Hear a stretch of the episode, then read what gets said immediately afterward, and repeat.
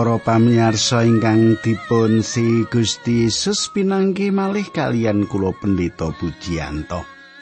Kados pundi pawartos panjenengan katang kula wonten ing pepanggihan menika pandonga kula panjenengan tansah pinayungan rahayu dening Gusti Allah ingkang murbeng jagat. Kula ugi matur nuwun dumateng panjenengan dene panjenengan tansah ndongaaken kula. Awit saking menika ing saben-saben kula saged pinanggih panjenengan ing wekdal menika kula radi watuk. Dalu watuke ngekoy. yes, menungso ketah makaten ya. Ana larane, ana warase. Nah, kadang kula ingkang kula tresnani Tumrap panjenengan ingkang nembe kemawon mirengaken adicara margi utami menika kula badhe ngaturaken dumateng panjenengan Bila lumantar adicara margi utami menika kula nderekaken panjenengan nyemak kayektosan kayektosan kitab suci lan ugi nderekaken panjenengan nyemak kayektosan-kayektosan menika pangajeng-ajengipun kula inggih menika supados panjenengan nampeni berkah kasukman lumantar adicara menika lan ugi adicara menika saged nyataken panjenengan ngandelaken iman panjenengan dumateng Gusti Yesus Kristus minangka juru wilujeng. Ngaten nggih. Terus kula saben-saben wonten ing radio menika lan panjenengan saged tanglet, panjenengan saged telepon nggih wonten nomor HP ingkang badhe kula aturaken dhateng panjenengan malih. Awit saking menika monggo kita ras-rasaken pangandikanipun Gusti sugeng midhangetaken adicara menika.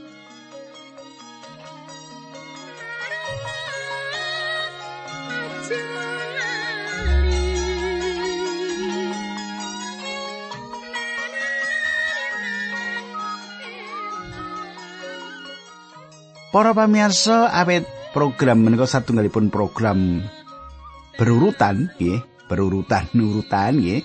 Kala wingi kula badhe ngaturaken sekedhik kemawon ringkesan menapa ingkang kula aturaken duk nalika pepanggihan kepengker.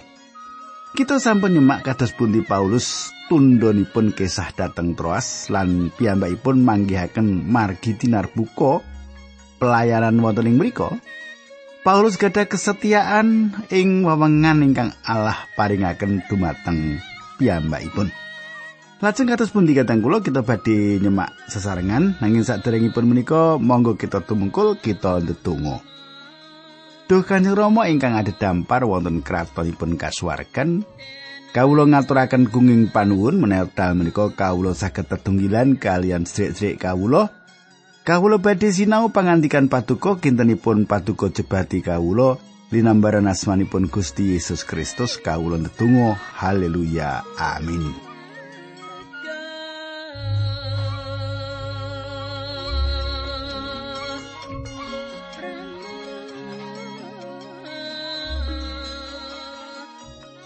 Para pamirsa samenika pasinaon kita lumebet ing serat kalih Korinta bab kalih ayat 13. Kalih Korinta bab kalih ayat 13 awit kala wingi kita sampun nyemak kalih Korinta kalih ngantos dumugi ayat rolas.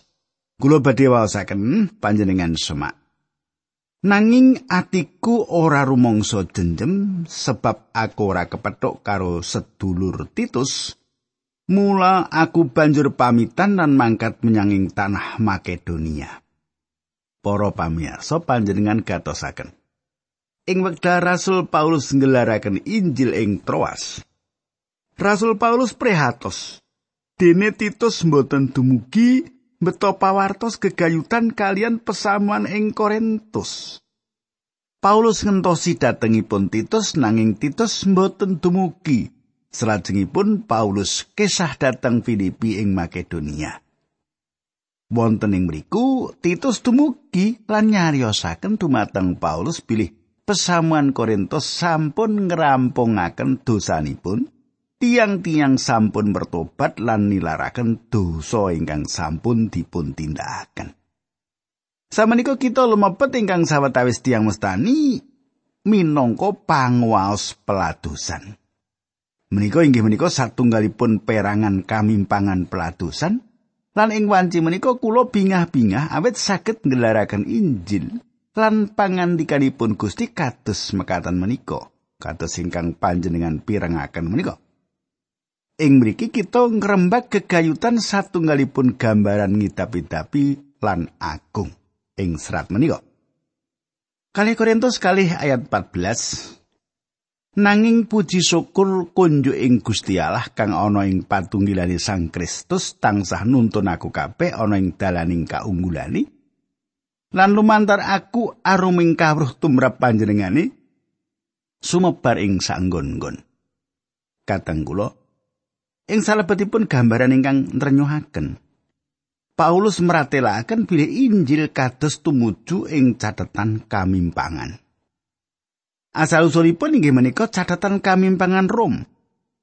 Wonten Jenderal Agung Rom ingkang badhe medal ing garis wates dhateng Eropa utawa Afrika. Piyambakipun pikantuk kamimpangan demi kamimpangan awet Rom tansah mimpang ing salebetipun kampanye. Sang pahlawan menika lajeng wangsul dhateng Rom lan ing mriku ngawontenaken pesta kamimpangan ageng-ageng ing kitha. Kala-kala pesta kamimpangan menika kawiwitan injang lan kapungkasi ngantos tengah dalu. Para pahlawan Rom menika badhe beto kewan-kewan lan rampasan sanesipun ingkang saged dipun beto.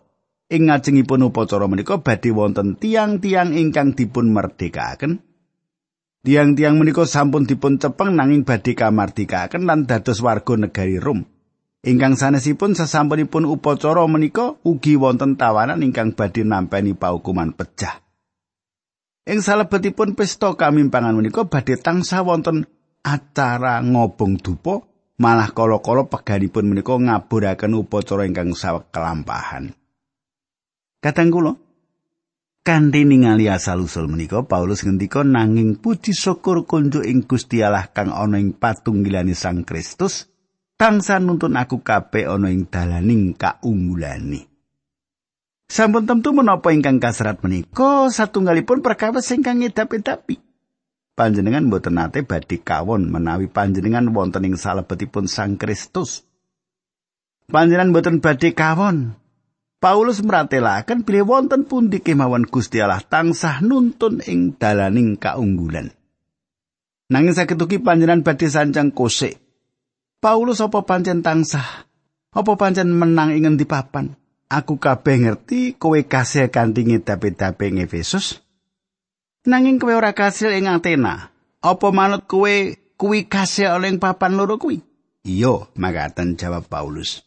sapa kang ana ing sajroning Sang Kristus tansah nuntun aku kaping margi kaunggulani. Panjenengane nyebarake gondarum ing sajroning tetepungan karo panjenengane ing ngendi-endi panggonan. Apa kowe menang menawa ora ana wong siji wae kang mertobat marang Sang Kristus? Oh, iya, jawab Paulus. Nggih, dadi wong ing salebetipun Sang Kristus tansah mimpang. Kali Korintus bab kali ayat 11. Awit kagem Gusti Allah, aku kabeh iki dadi gandaning arum Sang Kristus ana ing tengah-tengahing wong kang padha nemu karayon lan ana ing antaraning wong kang padha nemu karusakan. Panjenengan semak ing salebetipun pesta kamimpangan wonten tiang ingkang dipun merdekaaken wonten ingkang badhe dipun hukum pecah. Nanging sedaya tiang menika wonten ing salebetipun pesta kamimpangan menika. Ayat 16. tumrap kang nemu karusaan aku kabeh iki gandaning pati kang temeka ing pati lan tumrap kang nemu karahayon gandaning urip kang nguripake nanging sapa kang kaconggah nglakoni ayan kang kaya mangkono iku para pamirsa panjenengan katosaken Paulus makantar-kantar awit saking menika sapa to kang kaconggah nglakoni ayan kang kaya mangkono iku hak ingkang inggil piyambak wonten ing jagat menika inggih menika martosaken pangandikanipun Gusti. Mboten wonten ingkang nyameni. Kula mboten purun nyalonaken dados presiden. Paling-paling yo ora kepilih. Saestu angel dipun mangertos wonten kahanan angel ingkang angel dipun pecahaken. Kahanan angel sing angel banget dipecahke menika wonten tiyang ingkang nyalonaken presiden. Manut kula ingkang mulya inggih menika menawi kita nggelaraken pangandikanipun Gusti. Menapa panjenengan mangertos kenging menapa awit Gusti Allah tansah adamel kita mimpang. Kadang kula ing wekdal Injil dipun wartosaken lan kathah tiyang ingkang nampi Sang Kristus sampun tentu ing kahanan ingkang kados makaten menika dados satunggalipun lelampahan ingkang ngidapi-dapi. Kita saged ningali kamimpangan ing mriku. Kita menika winastanan gandaning kesang tumrap tiang-tiang ingkang wilujeng. Nanging sekedap kados pundi kegayutan kalian tiang ingkang nampi Sang Kristus? Kita malah dados menapa ingkang winastanan gandaning pati kanggiripun tiang-tiang menika. Kulo asring sanjang dumateng pesaman sasampunipun nglantaraken pangandikanipun Gusti. Menawi panjenengan medal saking mriki sasampunipun nampik Sang Kristus, saged ugi kula dados mangsa ingkang ageng piyambak kangge panjenengan. Awit samenika panjenengan boten saged anglebeti pangayunaning Allah lan panjenengan boten saged matur bilih panjenengan boten nate mireng Injil. Nanging sedaya tiang samenika wonten ing salebetipun pesta kamimpangan. kathah tiang ingkang boten dipun merdekaken, tiang-tiang menika badhe dipun adili. Nanging uwal saking nasib kita, kita wonten ing salebetipun pesta kamimpangan Gusti Yesus Kristus awit panjenenganipun temtu mimpang. Para pamirsa, saben tiang badhe jengkeng ngarsanipun lan sedaya tutuk badhe ngakeni bilih Gusti Yesus Kristus menika inggih menika Gusti. Saben pribadi kedah sujud dumateng panjenenganipun ing satunggalipun wekdal mangke tanpa metang menapa panjenengan menika priyantun ingkang dados juru wilujeng utawi hakim. Mboten gumun menawi Paulus negasaken sapa to kang kecongga nglakoni ayahan kang kaya mengkono iku. Salajengipun dipun pratelaken tumrap kang nemu karusaan, aku kabeh iki gandaning pati kang tumeka ing pati lan tumrap kang nemu karahayon gandaning urip kang nguripake. Para pamirsa samenika menika gondo menyan sampun minggah ing ngarsaning Gusti. Pangandikanipun Gusti sampun dipun wartosaken. Lan kita dados gondo gesang kangge sawetawis tiang lan ugi dados gondo pati kangge ingkang sanesipun. Cobi kita lajengaken ayat pitulas. Awit aku kabeh ora padha karo wong liya kang akeh-akeh, kang padha mburu kabejan saka pangandikaning Allah. Kosok baline, ana ing Sang Kristus aku padha ngucap ing samestine kanthi kekarepan-kekarepan kang murni awit saka dawing Allah lan ana ing ngarsane. Kadang kula Inggih menika rancangan pelatusan Kristen sawetahipun. Kita mboten kenging ribah pangandikanipun Gusti utawi nyimpang saking pangandikan utawi andadosaken pangandikan menika barang dagangan. Nanging ingkang kedah kita tindakaken minangka tiang ingkang pitados dumateng Gusti inggih menika martosaken pangandikan kanthi ketulusan kados Sang Roh Allah mbikak kayektosan pangandikan menika dumateng kita. Para pamirsa, sepindah malih aja ngantek pangandikan Gusti nggo dagangan nggih. Pak Puji panjenengan kula alami mriki nggih. Nggih. Wantun kula kali dosa juta, Pak. Wah, lali rak kula wis dagangan kok rak bati. Mboten ngaten nggih. Kula nek biasanipun nek diundang dateng gereja panjenengan ditelepon ngaten ingkang baku kula saged berangkat lan saged wangsul, saged tilem, saged nedha. ngaten nggih. So sapa sing nombok imangan jajan ning dalan niku nek wati kula niku nate dundang khotbah niku 880 km saking Batu nggih. dadi adoh banget nggih. Lah nek ora disangoni ya dapuripun nggih to, pawonipun mbok wedok ra ya ora anget.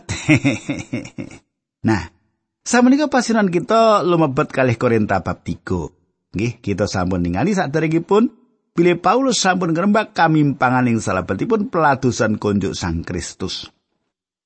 Samenika Paulus badhe ngrembak kegayutan Pengaken peladusan menika kegayutan perkawis-perkawis peladusan badhe kita tingali ing pasal menika. Ayat setunggal. Bab 3. Kali Korinta. Apa aku wiwit ngalem marang awakku dhewe meneh? Utawa apa perlu aku kaya wong-wong liya nuduhake layang pangalembono marang kowe utawa saka kowe? Panjenan katasaken ing mriki Paulus tanget apa perlu aku njaluk layang pangalembono saka majikanku Apa perlu aku nggawa layang saka Gusti Allah kang dadi seksi menawa aku iki abdine panjenengani? Mesti kemawon Paulus ugi badhe sanjang ora. Aku ora butuh iku. King menapa mboten? Kita mesti kemawon badhe inggal mangertos berkais menika. Ayat kali lan. Kowe iku layang pangalembanaku kang katulis ing atiku lan kang disumurupi sarta kang bisa kawaca dening wong kabeh. Awet wis tetelo menawa kowe iku layange Sang Kristus kang ndak tulis ing sajrone aku padha ladi.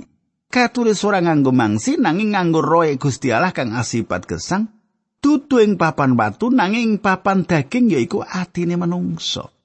Kadang kula. Bukti wonten daya pengaruhipun samukais pelatusan menika sejatosipun inggih menika menapa pelatusan menika pikantuk pangalembono saking Gusti Allah utawi mboten.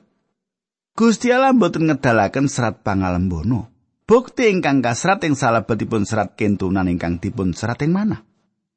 Kulo sampun mau serat kathah sanget saking tiang-tiang ingkang mertobat dumateng Sang Kristus dening pelatusan radio kulo menika. Kathah ingkang nampeni berkah secara kasukman lumantar program pelatusan menika.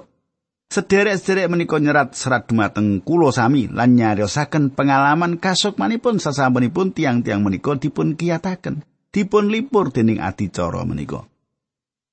Malah ing antawisipun wonten ingkang nilaraken gesang ingkang boten luhuraken Gusti lan bertobat dumateng Gusti. Sayektosipun menawi boten wonten tiang ingkang bertobat dumateng Sang Kristus lumantar program radio kula ing mriku, kula tetep gadah anggapan migunani sanget awit kathah tiang ingkang nampeni kegiatan ing tengah-tengah bot repoting gesang. Lan kadang kula wonten kathah tanggapan atas adicara menika ingkang terus dateng ing kula. lan manut kula inggih menika serat-serat pangalembono kula Paulus meratelaken dumateng tiang-tiang Korintus kowe iku layang pangalembanaku kang katulis ing atiku lan kang disumurupi sarta kang bisa kawaca dening wong kabeh kita lajengaken ayat sekawan Iyo kaya mengkono iku gedhening kayakinanku marang Gusti Allah marga saka Sang Kristus.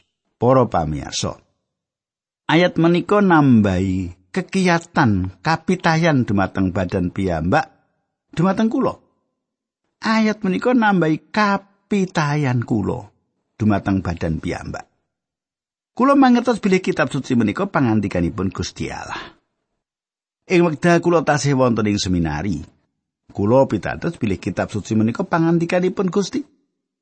Kula gadah pikiran bilih secara conggahing kapinteran intelektual saged netepaken menawi kitab suci menika pangandikanipun Gusti. Nanging jaman samenika kula malah mboten perlu mitontonaken intelektual utawi conggahing kapinteran malih. Kula sampun lulus. Kanggenipun kula perkawis menika sederhana sanget inggih menika bukti pilih pangandikanipun Gusti inggih menika isining kitab suci. Gusti Allah paring pangandikan ing Mazmur 3 sekawan ayat 9. Moro padha ngrasakno lan nyawango sepiro gedhening kesainan Pangeran Yehuwa iku. Inggih menika tantangan saking panjenenganipun kangge panjenengan. Ayat gangsal. Menawa aku dhewe ora bisa nganggep apa-apa iku pegaweanku dhewe, ora anggonku bisa nindakake apa-apa iku marga saka pakaryaning Allah. Kula wangsuli, menawa aku dhewe ora bisa nganggep apa-apa iku pegaweanku dhewe, ora anggonku bisa nindakake apa-apa iku marga saka pakaryaning Allah. Kadang kula Kulo yakin menawi panjenengan sampun mangertos karingkian Rasul Paulus ing serat kalih Korinta menika. Nanging Paulus saged pratelaken, awet yen aku apes, iku aku kuat. Kalih Korinta kalih welas ayat sedoso. Para pamirsa kita manggihaken ing mriki bilih Gusti Allah. Sayektosipun boten madosi menapa ingkang ngidapi-dapi utawi tiang ingkang ngidapi-dapi. Menawi Gusti ngersakaken tentu panjenenganipun saged kemawon ngagem kula lan ugi panjenengan. Gusti Allah malah asring milih ingkang ringkih saking jagat menika. Menapa-menapa ingkang dipunanggep remeh dening jagat dipilih dening Gusti Allah. Menapa ingkang kaanggep boten penting dening jagat dipun agem panjenenganipun kangge nyempurnaaken menapa ingkang dipun kersakaken. Nanging malah inggih menika ingkang asring dipun pilih lan dipun agem dening Gusti Allah kangge nindakaken pakaryan ing pelatusanipun. Kesagahan kula sami inggih menika pakaryanipun Gusti Allah. Ayat 6. Panjenengane uga kang wis mbisake aku padha dadi abdini perjanjian anyar.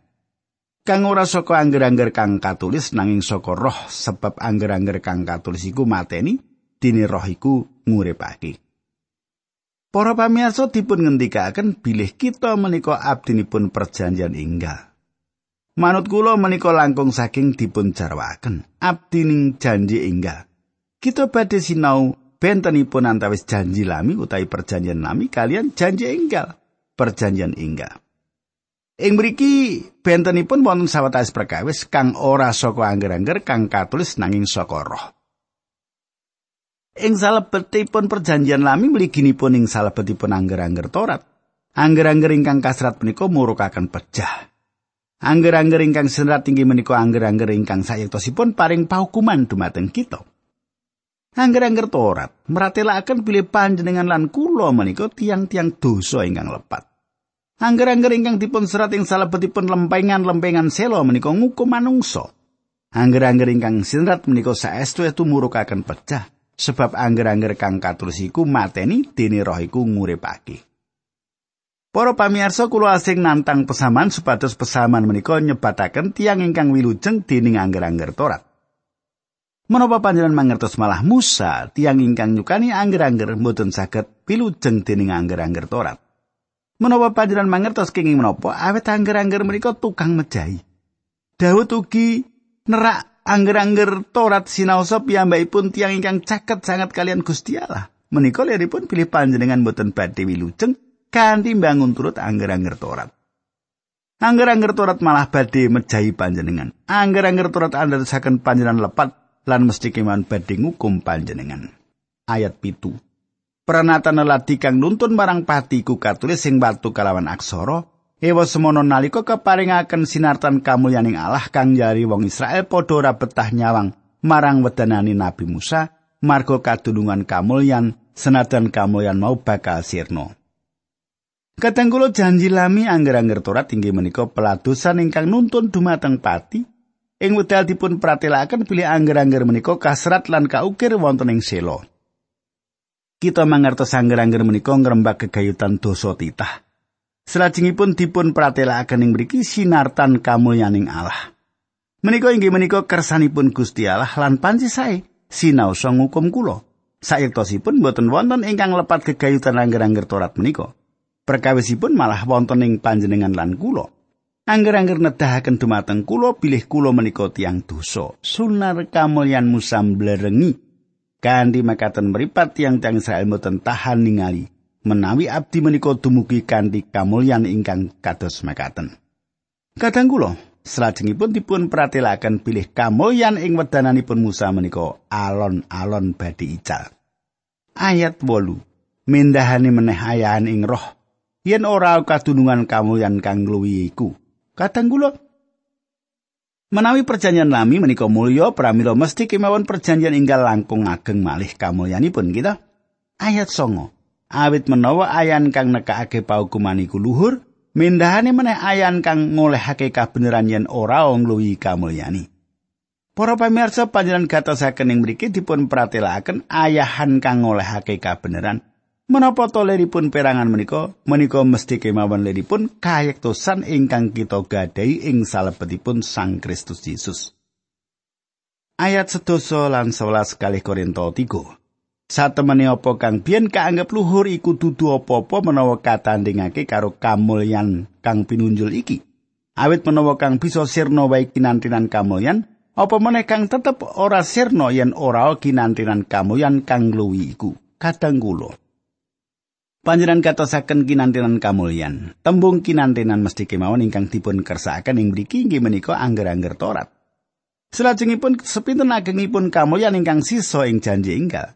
Kita ningali bilih Paulus mbedakaken antawisipun peparing angger-angger Musa kalian jaman sih rahmat ingkang ing salebetipun kita gesang ing wedal samenika. Para pamiyasa, perkawis-perkawis menapa melih ingkang badhe dipun pratelaken dening serat kalih Korinta menika, kita badhe nyemak ing dinten candhaipun samenika kita ndedonga langkung rumiyin. Dengan Rama ing swarga kawula ngaturaken gunging panuwun menawi wekdal menika kawula saged tetunggilan kalian sedherek-sedherek kawula lan kawula sampun maos pangandikan paduka lan sinau sekedhik babagan pangandikan menika kintenipun saged niyataken kawula. Dinambaran asmanipun Gusti Yesus Kristus kawula ndedonga lan kawula pasrahaken sedherek-sedherek kawula menika wonten ing asta paduka. Linambaran Gusti Yesus kawula ndedonga haleluya. Amin.